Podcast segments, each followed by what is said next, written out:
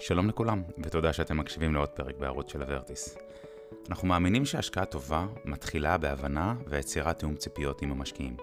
משקיע טוב ככל שאנחנו יודעים יותר ויש לנו יותר הבנה למה לצפות, אנחנו בעצם ניכנס להשקעה בצורה שקטה יותר ונעימה יותר. ולשם כך הערוץ הזה נולד, לתת לכם מהניסיון שלנו ולאפשר לכם להיכנס להשקעות בצורה שקטה ונכונה לכם. אז בואו נתחיל.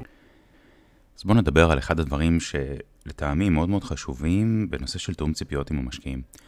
גם אני משקיע, גם אני חווה את הדברים האלה, ולא פעם אנחנו מבינים את הצד הזה של המשקיעים, ואחד הדברים החשובים לנו כמשקיעים זה לנסות להיכנס להשקעה שהיא במינימום סיכון, ויותר מזה אני אגיד, אנשים לא רוצים סיכון בכלל, אבל זה לא הולך ביחד. ברגע שאתה נכנס להשקעה, יש בה סיכוי, יש בה סיכון, ככל שההשקעה עם תשואה גבוהה יותר, בדרך כלל זה החוק, אז הסיכון גבוה יותר ולהפך.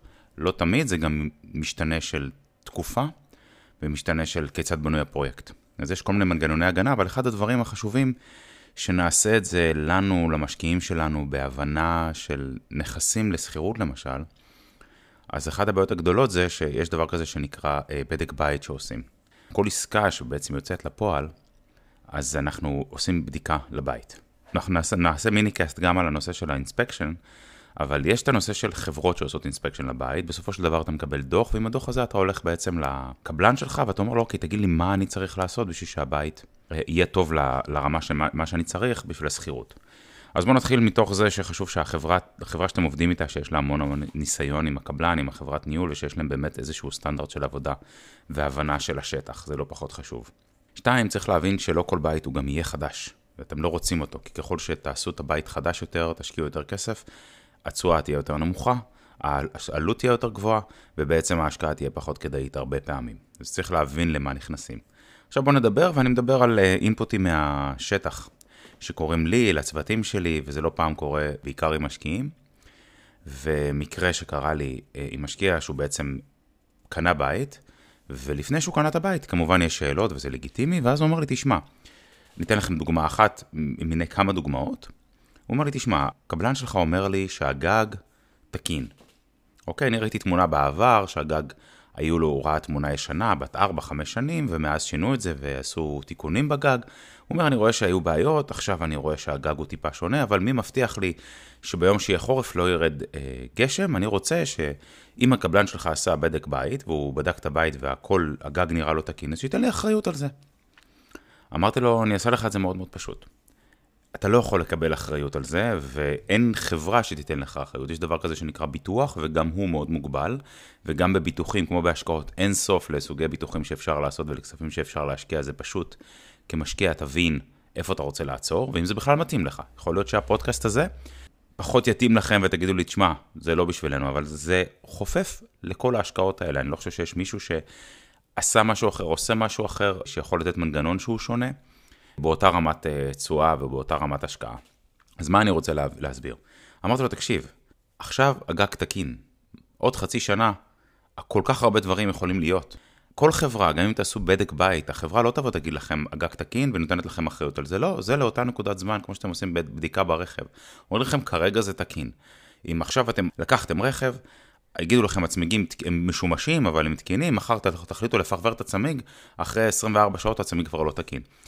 זה לא אותה דוגמה, אבל זה כן בשביל לתת לכם איזושהי אה, הבנה לדבר. גג, אם מחר פתאום ירד איזה מבול, אה, לא מבול, סליחה, ברד חזק מאוד ויעשה איזשהו נזק, קבלן לא אשם בזה, הוא לא יכול לדעת. אלא אם כן, הוא בא, וזה מה שבעצם כל אחד יציע לכם. תקשיב, אתה לא שקט עם הגג, בוא נשים גג חדש. הגג כרגע תקין, אין נזילות. הוא לא גג חדש. בסדר, גג יכול להחזיק לכם 15-20 שנה, אפילו יותר. אף אחד לא יכול לדעת. אז מה שאתה יכול לעשות, בוא תחליף גג לגג חדש, ואז יש לך אחריות על, ה, על הגג. וזה תקף לגבי כל דבר. אם תשאלו למשל על מערכת מיזוג, אז נכון, אני בדרך כלל בונה את זה לפי סטנדרט מסוים, והרבה חברות עושות את זה, אומרות, כל זמן שהמערכת היא פחות מ-15 שנה זה בסדר. מעל 15 שנה אנחנו נחליף את זה כחלק מהשיפוץ, וזה מן הסתם נכנס לתוך העלות של השיפוץ. זאת המלצה שלנו. אם יבוא בן אדם ויגיד, תשמע, אני רואה שהמערכת כבר לא חדשה, ואומנם היא תקינה, תן לי אחריות. אף אחד לא יכול לתת על זה אחריות. גם אתם יכולים לקנות מוצר חדש לחלוטין, ולמחרת הוא יתקלקל, זה יכול לקרות. כמובן שיש אחריות. ברגע שזה מוצר משומש, או שיפוץ שלא נוגעים במוצרים האלה, מן הסתם אין אחריות על הדברים. קבלן ייתן לכם בדרך כלל אחריות על הדברים שהוא עשה, לא על הדברים שהוא לא עשה. אם עכשיו הוא בא ולמשל אה, עשה בדיקה והצנרת תקינה, זה לא אומר שעוד חצי שנה, עוד שנה פתאום לא ייכנס איזה שורש לתוך הצנרת, או הדייר יעשה איזה סתימה, שלא תמיד גם קל להוכיח את זה. ויש בעיה עכשיו, זה יכול לקרות. עכשיו, למה אני מעלה את זה? זה קרה לי עם משקיעים בעבר. כמובן שאני כיזם משתדל תמיד לעזור, משתדל לתת מענה לכל הדברים האלה, אבל אין פה, אין פה 100% הבטחה, אין פה הגנה של 100%. כן, יש פה הבנה שאתם נכנסים להשקעה שהיא טובה. יש פה הבנה שיש הוצאות שיכולות להיות לא צפויות. ויש פה נושא של הרבה מבוסס, וזה תמיד אנחנו אומרים על נושא של אמון. שאתה צריך לתת אמון לקבלן, אמון ליזם יותר נכון, שהוא בנה צוות שהוא סומך עליו, שיש לו ניסיון, שהוא מכיר אותו, ושהחברת ניהול לא עוקצת את המשקיע ולא מחפשת סתם דברים לעשות ולהוציא עליהם כסף מהכיס של המשקיע. זה יכול להיות תקף להרבה הרבה הרבה הרבה דברים, אבל בסופו של דבר אני אגיד שהבנייה היא פשוטה בארצות הברית, קל מאוד לעשות בדק בית.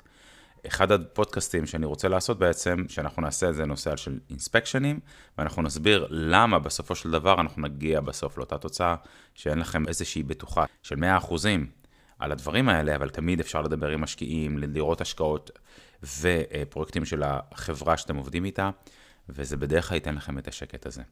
אני אומר את זה מניסיון, ובדרך כלל המשקיעים בלונג טרם מאוד מאוד מרוצים, אבל הנושא של תיאום ציפיות זה דבר שהוא חשוב מאוד, ובשביל זה אנחנו עושים את הפודקאסט הזה, לעשות לכם נושא של תיאום ציפיות על מה זאת השקעה, איך כדאי להיכנס להשקעה, וחשוב כמה שיותר להבין בהשקעה. אז אני מקווה שזה תרם לכם ועזר לכם, ושיהיה לכם בינתיים יום טוב.